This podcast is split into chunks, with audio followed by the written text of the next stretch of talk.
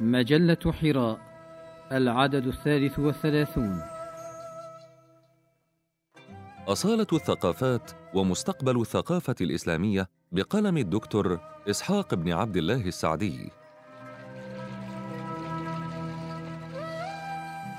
التمايز والتنوع في الثقافات.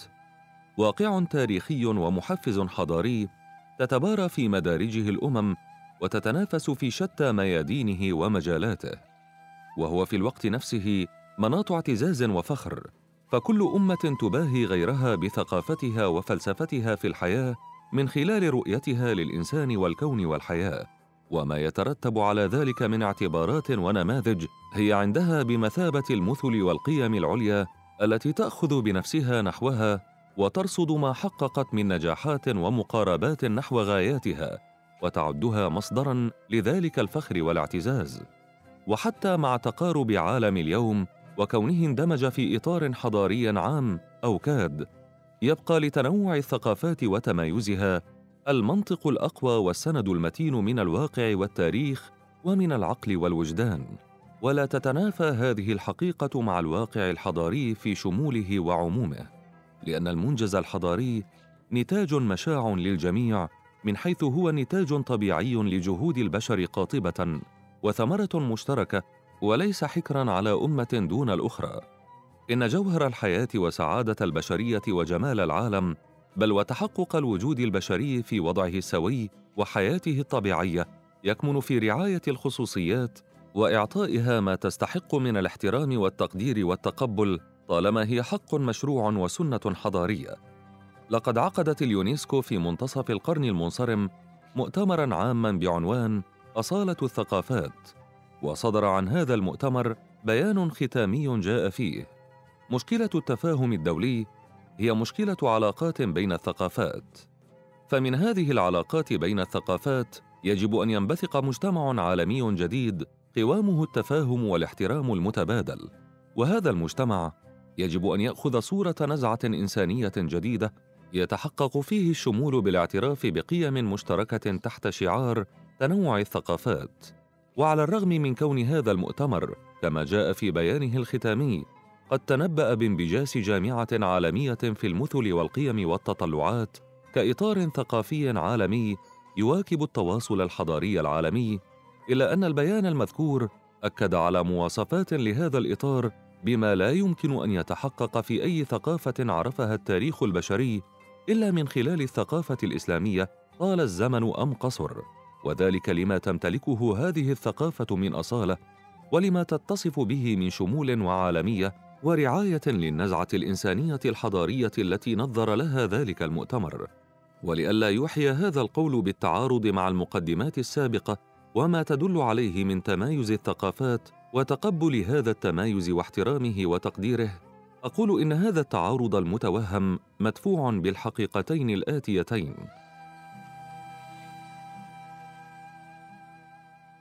الحقيقة الأولى كون الثقافة الإسلامية هي الثقافة الرائدة في مضمار التجربة التاريخية فقد نجحت في التسامح مع جميع الثقافات والتعايش السلمي معها. بل هي الثقافة الإيجابية في علاقاتها مع الشعوب والأمم انفتاحا عليها وإفادة منها. وبالمقابل فقد مدت جسورها لسائر الثقافات وكانت بمثابة المدرسة التي تخرج فيها النماذج الثقافية المبدعة.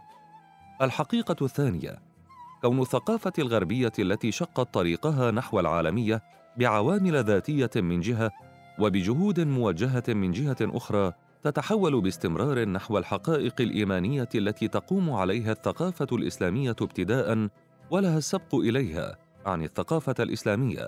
وكون الثقافة الغربية من جهة أخرى تقترب شيئا فشيئا من مناهج الثقافة الإسلامية في كثير من قضايا الوجود والكون والتاريخ فهي بعبارة مختصرة كما ذكر مؤلفا كتاب العلم من منظوره الجديد تحول كلي في عناصرها المختلفة بصدد. وذلك لأسباب عدة من أهمها كما ذكرا فيه أيضا الخبرة الإنسانية والبحث عن الأفضل لدى الإنسان. تراكم الغربي مما يدل على أنها تسير نحو الاعتدال في رؤيتها الشاملة. والأمثلة على ذلك من الكثرة بمكان بيد أنني أختصرها في الأمثلة الآتية. اولا العودة بها إلى الإيمان بوجود إله واحد. ثانيا التأكيد على الجانب الروحي من الإنسان وأن حياته الروحية والخلقية هي حقائق تماما كحياته البيولوجية. ثالثا إدراك حقيقة أن العلم ليس محصورا بالطبيعة مجالا ولا بالمنهج التجريبي طريقا.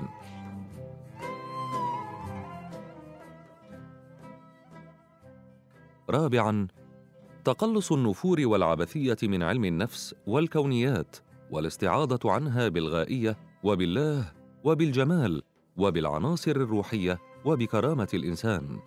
خامسا بروز المشاعر الإنسانية النبيلة كما في تقديم الخدمات الإنسانية في مجالات التغذية ومقاومة المجاعات والعناية بالطفولة والأمومة ونحو ذلك مما يعد في الحقيقة والنظرة المتجردة المنصفة من أبجديات الثقافة الإسلامية ومن مقوماتها وخصائصها قبل أن تتشكل هذه الرؤية الإيجابية في الثقافة الغربية بقرون عدة.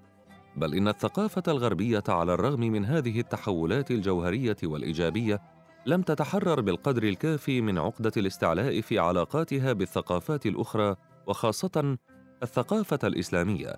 بل لا زالت تتسم معها بشكل أو آخر بطابع النرجسيه وعدم الاعتراف بفضلها إلا ما ندر. إن حقا على المسلمين افرادا وشعوبا وأمة التشبث بثقافتهم الإسلامية الأصيلة فهي سفينة نجاتهم بإذن الله تعبر بهويتهم وذاتيتهم إلى بر الأمان وشواطئ النجاة في عصر يتواصل فيه العالم بوسائط تحمل الغث والسمين والطيب والخبيث والنافع والضار.